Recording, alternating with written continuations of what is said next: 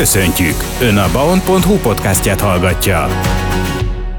És itt van már velünk a stúdióban Bakota Zsolt, meteorológus, akit sok szeretettel üdvözlök, szerbusz. Hello Zalán, és köszöntöm a rádió hallgatókat. Ugye már többször beszélgettünk, úgyhogy ha a kedves hallgatók sem e, haragszanak meg érte, nyilvánvalóan tegeződni fogunk, hiszen már azért ismerjük egymást, és de hónap elején, bár mondjuk most már azért lassan a közepéhez érünk, de mindig betervezünk egy-egy beszélgetést, méghozzá azzal kapcsolatban, hogy milyen is volt az elmúlt hetünk időjárása, ezt kicsit kicsit így akár statisztika szempontból is tudjuk elemezni, illetve hogy mi vár ránk, úgyhogy hát beszélgessünk először is erről a mögöttünk hagyott novemberi hónapról. Igen, pont ezt akartam mondani, hogy egy picit kijavítanálak, mert nem az elmúlt hétről, hanem inkább az elmúlt hónapról.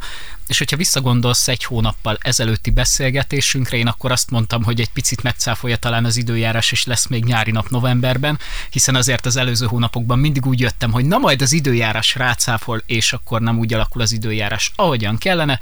Nos hát novemberben nem lett nyári nap végül, úgyhogy megszakadt a tendencia, a legmagasabb hőmérséklet a hónap első felében volt itt Kecskeméten és Bács-Kiskun vármegyében, hát nagyjából ilyen 20-21 fokkal, de e felé már nem melegedett a levegő, és a hónap közepétől ez a lassú, csökkenő hőmérsékleti tendencia azért már meghatározó volt, illetve be is töltötte a légköri helyzetünket. Ez a november akkor így egy átlagos november volt? Vagy hidegebb, melegebb, mint az hát, átlag? Még a pontos anomália nincs meg, tehát az összegzett adatokkal nem tudok még szolgálni, de az előzetes adatok alapján nagyjából a sok éves átlag környékén zártuk ezt a hónapunkat, tehát most se nem felette, se nem alatta, hanem olyan tipikus novemberi átlagos idő volt, és azért voltak olyan napok, amikor már a tél megmutatta az arcát, így akár mondhatjuk azt, hogy egy ilyen 360 fokos stílusérzékes gyorsváltással, hogy tavaszi időből hirtelen egyik pillanatról a másikra a télbe, de ugyanez elmondható egyébként a hónap utolsó harmadában lezajlódó átmeneti melegedésről is, amikor is hirtelen a télből megint egy picit a tavaszba cseppentünk, hát így novemberben. Ez egyébként mennyire jellemző az évszakok változ, változására, hogy mondjuk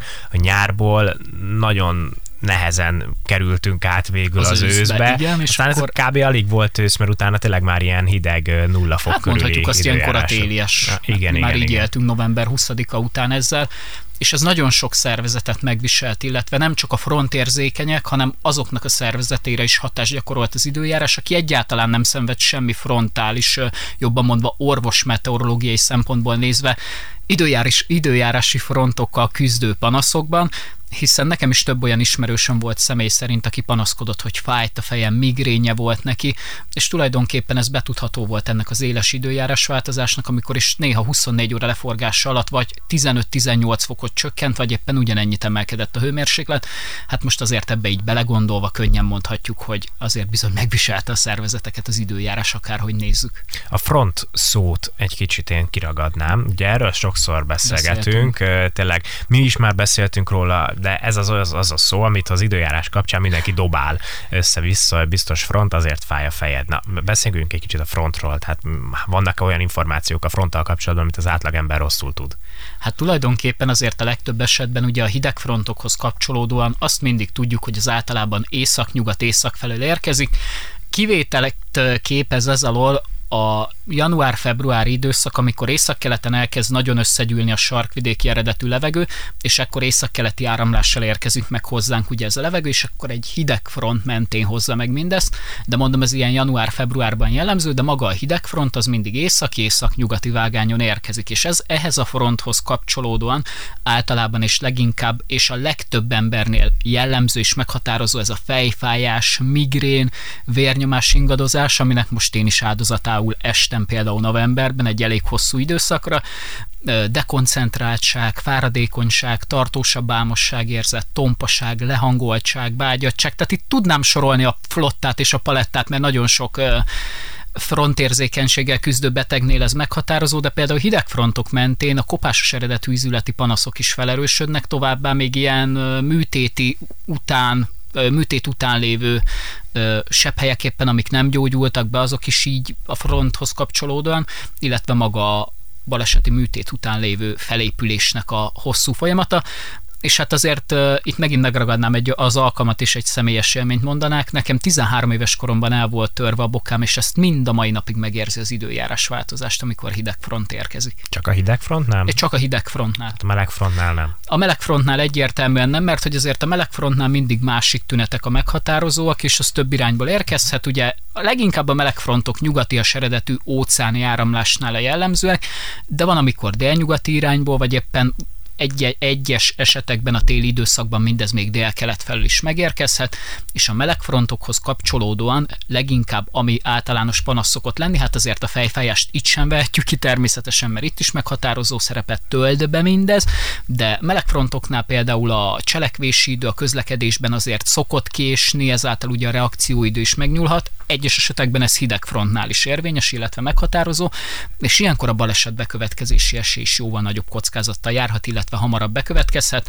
és hát a téli időszakban arra szoktunk mindenkit kérni mi is, hogy az aktuális útviszonyoknak megfelelően kellő mértékű követési távolságot tartva közlekedjenek, akár ezt négy, akár ezt két keréken vagy két lábon teszik meg, hiszen azért a gyalogosokra is veszélyt jelenthet éppen egy front mentén az időjárás, ugyanis a téli hidegfrontokat erős, viharos és erősen viharos erejű szélökések kísérhetik, és bizony itt például, ha Kecskemét utcáin sétálunk, könnyen elképzelhető, hogy csak éppen sétálunk a nyílt utcán, és akkor egy erősebb gaj, vagy éppen akár egy fa veszélybe sodorhat bennünket, illetve veszélyeztetheti a ott létünket. Ugye melegfront az most így a télbe lépve már nem nagyon vár ránk, vagy, vagy vár ránk? Inkább megfordítom a kérdést, hogy mitől nevezzünk valamit frontnak, hogyha mondjuk 5-10 fokos hőmérsékletingadozást eredményez? Hát azért az már úgy mindenképp jellemző, ha már egy 5-10 fokos hőmérsékletnél így van, de nem csak maga a hőmérsékletváltozás eredményezi elő a frontot, mert például mikor kialakul egy ködös, smogos helyzet, ami egyébként ilyenkor a késő és a téli fél évben nagyon meghatározó, úgynevezett átszázott hideg hidegfrontok szoktak bennünket elérni észak-nyugat felől, és most meg is ragadnám az alkalmat, és megkérdezném, hogy esetleg tudod-e, hogy ez mit jelent? Nem. Tehát maga az átszázott hidegfront az azt jelenti, hogy ez csapadékkal nem jár, viszont maga a front hátoldalán megerősödik, viharossá fokozódik a szél, és ilyenkor ez a szél kisöpri a megreket, rétegfelhőzetet, ködös, párás, smogos levegőt, és ezáltal, amikor ez a front tovarobog elhagy bennünket, ugye a teljes légcsere a légköri folyamatban ilyenkor végbe megy, illetve már meghatározóvá válik, és a levegő kitisztul, olyankor kristálytiszta, tehát mondhatni kitűnő a levegő minősége. Na hát akkor itt a frontról egy kis információ áradatot kaphattunk. Az információ amit, blokk végére érkeztünk. amit köszönünk szépen, és hát akkor térjünk rá arra tényleg, hogy itt elemeztük már egy picit pár mondatban a novemberi időjárásunkat, így összegészében akkor elmondható, hogy ez egy átlagos november volt. Nagyjából az átlagnak megfelelő hőmérséklettel bírtunk el, hiszen a hónap elején még ilyen 18-19 fok környékén, Na hát nagyjából igen, tehát úgy kell alakuljon a délutáni órákban a hőmérséklet, és ez szépen elkezd csökkenni folyamatosan, és a hónap végére már nagyjából ilyen 5-7 fok környékén kellene, hogy alakuljon a délutáni órákban. Mindez voltak olyan napok, amikor átlag felett voltunk, voltak, amikor átlag alatt, de a legtöbbször nagyjából a sok éves november havi klimatológiai átlagnak megfelelően alakultak ezek a hőmérsékleti viszonyok, viszont csapadék tekintetében rendkívül csapadékos november tudhatunk magunk mögött 35-38 mm körül van a sok éves átlag alapján, a mérések kezdete óta ez az érték, és hát itt a Vármegyében is vannak olyan területek, ahol a 11. hónapunk kétszeres, akár két és félszeres csapadék összeggel járt, hiszen azért mediterrán ciklonok, ciklonok és frontok hoztak bőséggel csapadékot, és hát nem csak ugye a folyékony halmazállapot, de például itt Kecskeméten is volt egy-két olyan nap, amikor már megpillanthattuk a szilárd halmazállapotú csapadékformát, nevezetesen a hószálingózást vagy hózáport. Így van, az elmúlt napokban ezt láthattuk, tapasztalhattuk, és hát november végén is azért azt tapasztalhattuk, hogy folyamatosan esik az eső. E, tényleg nem volt olyan reggel szint, amikor nem esőbe jöttünk itt Kecskeméten, vagy mi is itt a rádióban dolgozni, úgyhogy ilyen szempontból kompenzált az időjárás? Egyértelműen, hiszen azért az október meg a szeptember az kifejezetten száraz volt. Október második fele már egy picit csapadékosabb volt, de viszont ez a csapadék egy icipicit késett, hiszen az, amit ugye beszéltünk is már egy-két hónappal ezelőtt, hogy az őszivetésnek például a búzának, az árpának, amiket ugye ősszel elvetnek, illetve a repcének nagyon jól jött, nagyon jól jött volna már mondjuk szeptember második felében a csapadék, ami ugye hiányt szenvedett a kifejezetten enyhe és meleg levegő hatására. Úgyhogy egy icipicit ez a csapadék későn jött, és ha ennek a csapadéknak az utánpótlása folyamatos lesz, már pedig azért azt vetítik előre a hosszabb távú előrejelzések és modellfuttatások, hogy marad ez a csapadékosabb periódus, akkor már viszont egy kicsit népies szóval élve áteshetünk a ló túloldalára, miszerint a belvízzel és az, ö, a belvízzel elöntött területek nagysága veszélyeztetheti ezt a ö, veteményest, illetve magát a mezőgazdasági területet. Ilyen szempontból november a mezőgazdaság szempontjából és az időjárás szempontjából milyen volt? Tulajdonképpen ugye, ha azt nézzük, ugye, amit már mondani is a csapadék tekintetében bőséggel volt, tehát megöntözte a talajt, és az égi áldás kitett magáért és hát ahogy ugye mondtam is, ez nagyjából a, ez a 35-38 mm csapadék az éves átlag, vagy a sok éves átlag alapján, és hát voltak azért olyan helyek, ahol a 70-80 mm-t is elérte a 30 nap alatt lehulló csapadék mennyiség, ami ugye, hogyha megkapjuk, az a kétszeres, sőt majd két és félszeres érték megvan, és december ez az érték egy icipicit még alacsonyabb, ekkor csak ilyen 30-32 mm körül van, és hát bizony könnyen elképzelhető, hogy ez az érték is túl lesz szárnyalva, vagy akár meg lesz kétszerezve. Sőt, voltak azért olyan hónapok, illetve, ö, bocsánat, olyan évek, amikor ez az érték háromszorosa, sőt, annál több is volt. Beszéljünk arról, hogy ha már itt megállapítottuk, hogy a szeptemberi, októberi időjáráshoz képest a novemberrel csapadék szinten az időjárás kicsit kompenzált. Itt az elmúlt években mennyire szokott az tendencia lenni, hogyha van egy időszak, amikor az átlaghoz képest kevesebb csapadék esik, akkor utána lesz egy olyan időszak, amikor az átlaghoz képest meg több fog esni. Ez így kijelenthető? Ez egyértelműen kijelenthető, hiszen voltak olyan évek, például, hát nem menjünk vissza messzire, 2022 tavalyi esztendő, amikor is júniustól egészen október elejéig egy kifejezetten asszályos száraz periódus volt meghatározó, és a napokban pont erről beszélgettem én is egyik kollégámmal, hogy azért ugye a tavalyi esztendőben több helyütt a kisebb tavak teljesen kiszáradtak. A Velencei tónak és a Balatonnak olyan alacsonyra ö, lecsökkent a vízszintje, hogy tavaly augusztus elején, mikor lentartózkodtam a Balatonon, hiába volt másodfokú viharjelzés, 80 km per óra feletti szélök, és sőt, akár még egy-egy szélök és a 90 km per órát is elérte, nem tudott maga a tó akkora hullámokat korbácsolni, hogy veszélyeztesse például azt, hogyha te a tóban tartózkodtál és fürödtél, mert annyira alacsony volt a tónak a vízállása. Na most az idei esztendőben az egy azért egy picit már ez másként alakult, hiszen a nyári időszakban is nagyjából ez a 100 cm környéki, talán egy picit a feletti átlagvíz volt a Balaton vízszintjénél meghatározó, mindez a Velencei tóra is igaz volt, úgyhogy az idei esztendő egy picit csapadék tekintetében jobban odapakolta és oda tette magát, mint az például a tavalyi esztendőben megtapasztaltuk, és hogy mit hoz 2024, hát azt majd a meteorológiai modellfuttatások akkor megmutatják, hogy mire számíthatunk. Így van, ennyire előre azért azt nem lehet még megállapítani, hogy mi várható egy egész éves blokkra a jövőre, igaz? Most még hát, nem. 7-10 nap, ennél tovább nem megyünk. Sokszor még annyit sem lehet. Így van. Beszéljünk arról, hogy ugye amikor legutóbb itt voltál, akkor november elején beszélgettünk az októberi időjárásról is, meg hogy mi vár ránk novemberben, most itt vagy, és beszélgettünk arról, hogy mi volt novemberben, és mi vár ránk decemberben. De ugye legutóbb akkor megemlítettük, hogy október 20 vagy 21-e volt, amikor egy rekordot mértünk, és itt Kecskeméten is rendkívül meleg volt az időjárás, tehát az adott napi meleg rekord megdőlt. Most novemberben mi az, amiket kiemelnél? Nem tudom, hogy volt-e rekord bármilyen szempontból, szél, időjárás, csapadék, bármi, vagy amiket kiemelnél? szélrekord az volt, bár egyébként ez nem Kecskeméthez és a Vármegyéhez köthető, de például a János-hegyi mérőállomáson voltak olyan napok, amikor 100 km per óra környéki vagy a feletti szélsebesség is meghatározó volt, és egyes napokon mindez rekordot eredményezett elő, és azért a novemberi időszakban már reggelente többször negatív tartományba és fagypont alá csökkent a hőmérséklet, és bizony ugye itt a kiskunság homokhátságjait kell kiemelni, ahol jobban le tud csökkenni a hőmérséklet, hát voltak olyan időszakok, amikor mínusz 5 fok környékén, illetve az alatt alakult a hőmérséklet, és kettő napot még megemlítenék a novemberről, és pont azt a kettő napot, amikor megvillantotta magát a szilárd halmazállapotú csapadékforma, az egyik az november 19-e vasárnap, amikor Erzsébet napja volt, és tulajdonképpen az ország nagyobb részén akkor mutatta meg elsőnek jobban az arcát, igazán a télies idő. Nem volt számottevő mennyiségű hó meghatározó, de több helyütt hószállingózás, illetve gyenge havazás jellemző volt, viszont ugye mivel a légkör magasabb légrétegeiben zajlódott le csak ez az igen éles hőmérsékleti váltás, illetve áramlott be a fagyos sarkvidéki eredetű levegő, és a talaj közelében ez nem volt érzékelhető, a lehullott hó, illetve a lehulló hó folyamatosan olvadásnak indult.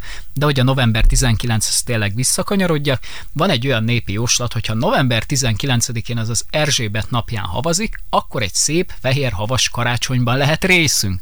Nos hát ugye az ország több pontján havazott azon a napon, hogyha ebből a népi jóslatból indulunk ki, akkor akár lehet egy fehér karácsonyunk is, de gyorsan leszögezném, hogy a meteorológus szemek még nem látnak el odáig.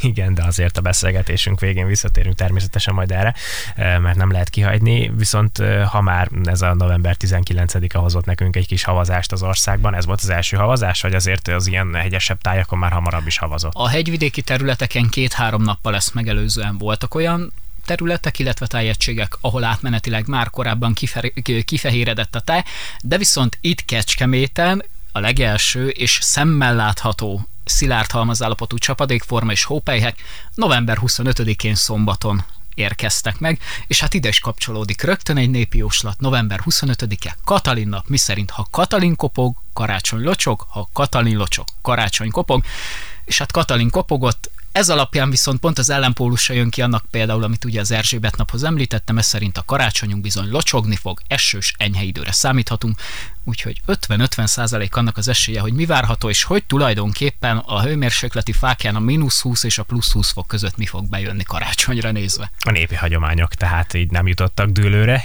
ilyen szempontból. Beszélgessünk arról, hogy ha már itt a rekordokkor ott megemlítettük, meg minden beszélgetésben szeretek azért erről beszélni, ha már statisztika, akkor tényleg a számok azért megmutatják a foguk fehérjét ilyen szempontból sokszor. Ugye, ha volt meleg rekord októberben, most volt szél rekord az ország országban, ez nem itt a Vármegyében, nem Kecskeméthez köthetően, de azért volt, tehát fel lehetett írni. Melyik a legfontosabb egy meteorológusnak? Nyilván a meleg rekord, de amellett mondjuk a csapadékot szeretitek nagyon, a szélrekord is nagyon jó, nagyon én sok személy, Én személy szerint a csapadékrekordokkal szeretek így dűlőre menni, meg azokat szeretem feljegyzetelni, mert ott is néha olyan kirívó adatokkal találkozol, hogy csak a szemed így fennakad magyarán, szóval meg a szád tártva marad, hogy atya világ, most itt vagyunk 2023-ban, és egy 120 éves csapadékrekordot döntöttünk meg, tehát hogy ilyenre nem volt példa, és szerintem beszélgettünk mi már arról az ominózus augusztus 4-e éjszakáról, a budapesti éjszakáról, amikor ugye három óra hossza alatt közel 100 mm csapadékáztatta meg a fővárost, és számomra az idei esztendőre nézve ez volt az egyik nagyon-nagyon kiemelkedő, hiszen az ahhoz a naphoz köthető korábbi csapadékrekord országos szinten nagyjából olyan 45 mm környékén volt, és ez több, mint a kétszeres annak. Úgyhogy én személy szerint még ezeket a csapadékrekordokat szeretem, hát ugye a hideg és meleg rekord elengedhetetlen dolog, Viszont azért a szélrekordoknál is szoktak olyan dolgok, illetve helyzetek lenni, amikor mindenképpen az feljegyzés, hát maga dokumentálásra bekerül, csak mondjuk egy általam vélt személyes feljegyzést még, ezt, még ez érdemel, és úgy szintén augusztus 4-e Budapest, Ferihegy repülőtér 130 km per órás szél, ami természetesen mondanom sem kell, hogy orkán erejű egyrészt, mert hogy a meteorológiában 119 km per órát meghaladó szélökések esetén már orkán erejű szélről beszélünk, és hát ugye ez a 130-as szél azon a napon, illetve jobban mondva azon az éjszakán egy új szélrekordot hozott a fővárosban. Akkor tudtak egyébként a repülők repülni erről? Nem, tudsz? nem, nem, több nem órán keresztül le volt zárva a Ferihegyi uh-huh. repülőtér. Akkor ez hajnal egy óra környékén érkezett meg ez a vihar Budapestre, és nagyjából olyan reggel 7-8 óra környékén nyitották meg a légi forgalmat, meg hát magát az egész repülőteret, mert hogy olyan szinten dorbézolt a szél, meg ott tönkretett tényleg mindent, hogy meg fakidő, fakidőlésektől kezdve mindent, tehát az, az nagyon egy nagyon emlékezetes pillanat a budapestiek részére. És hát ha már itt a technikai kérdéseket is megemlítjük, ugye modellfutatásokról beszélgetünk veled mindig, hogyan méritek a szélnek az erősségét, a csapadéknak a mennyiségét, azt hogy méritek? Azt talán még nem kérdeztem meg. De már beszéltünk, beszéltünk róla, még róla. valamikor a nyár elején, hogy uh-huh. van egy úgynevezett Hellman csapadékmérő, uh-huh. és az alapján ugye minden egyes állomásán, ami van, nagyobb állomás, bocsánat, az Országos Meteorológiai Szolgálatnak, ott vannak ezek a csapadékmérők elhelyezve, és ott 24 órás, illetve 12 órás mérési adatok alapján történnek ezeknek a mérései, és ennek a ö, rendszerbe való bevitele folyamatosan zajlik, illetve hát tulajdonképpen, hogyha szépen a met.hu-ra felmegy mindenki, ott a kollégák, illetve az ész, hivatásos észlelők által beküldött csapadék adatokat, azt mindenki, bárki szabad szemmel láthatja. Nyilván a rendszerhez csak az fér hozzá, akinek van jogosultsága, de mint most mondom így, hogy laikusként, ha te felmész a metnek a honlapjára, ugyanúgy látod például azt, hogy 24 óra leforgása alatt mennyi csapadék hullott, akár Kecskeméten, akár bárhol a Vármegye területén. Természetesen nincs az egész Vármegyében mérőhálózat, illetve adatok nem érkeznek be, de több helyszínről érkezik, például Bács-Kiskun Vármegyéből is, és mondom, ez mind szabad szemmel látható, fel kell lépni a med.hu-ra, és akkor onnan minden megnézhető. Beszéljünk arról, hogy mennyire volt rapszódikus ez az őszi szezon, így már a végére értünk, tehát akkor nem csak egy hónapot, hanem így tényleg egy összességében tudjuk értékelni ezt szeptemberre kanyarodjunk rögtön vissza, amikor is forró napnak megfelelő hőmérsékleti tartomány, 35 fokot elérő hőmérséklet volt jellemző, ami egyébként nem is annyira szürreális, hiszen 2017. szeptember 18-án volt ettől az értéktől még magasabb hőmérséklet, akkor 37,8 fokot mértünk, de azért az idei esztendőben is ez a 35 fok hát nagyon betette a kaput a szeptemberi esztendőre nézve, és abból kiindulva, hogy ez a szeptember 15-16-a, már most nem emlékszem pontosan, amikor ez a forró napnak megfelelő hőmérsékleti tartomány volt, utána is csak ilyen hát hogy mondjam, mikromilliméterekkel kezdett, vagy mennyiségben kezdett el a hőmérséklet csökkenni, mert az azt követő egy hétben tényleg ilyen kettő fokot, ha visszaesett a hőmérséklet összességében, és utána is ilyen nagyon minimálisan, tehát a hónap végén is még mindig ilyen nagyon 30 fok közelében voltunk, majd október elején egy picit visszacsökkent a hőmérséklet, október első harmadában megint egy emelkedő tendencia volt a jellemző. Október 15 és 18 között megtapasztaltuk azt az igazi nagybetűs ősz, csapadékosabb idővel, hidegebben, reggeli fagyokkal, majd ugye jött ez a megint nagyon éles váltás, amikor szinte 24 óra alatt felborult minden, és egyik pillanatra a másikra több mint 20 fokot melegedett a levegő, és hát az az ominózus október 21, amikor is 30,3 fokkal történelmet ért az időjárás, mert hogy arra nem volt még példa, hogy októberben olyan későn 30 fokot elérő hőmérsékletet regisztráljanak, illetve dokumentáljanak.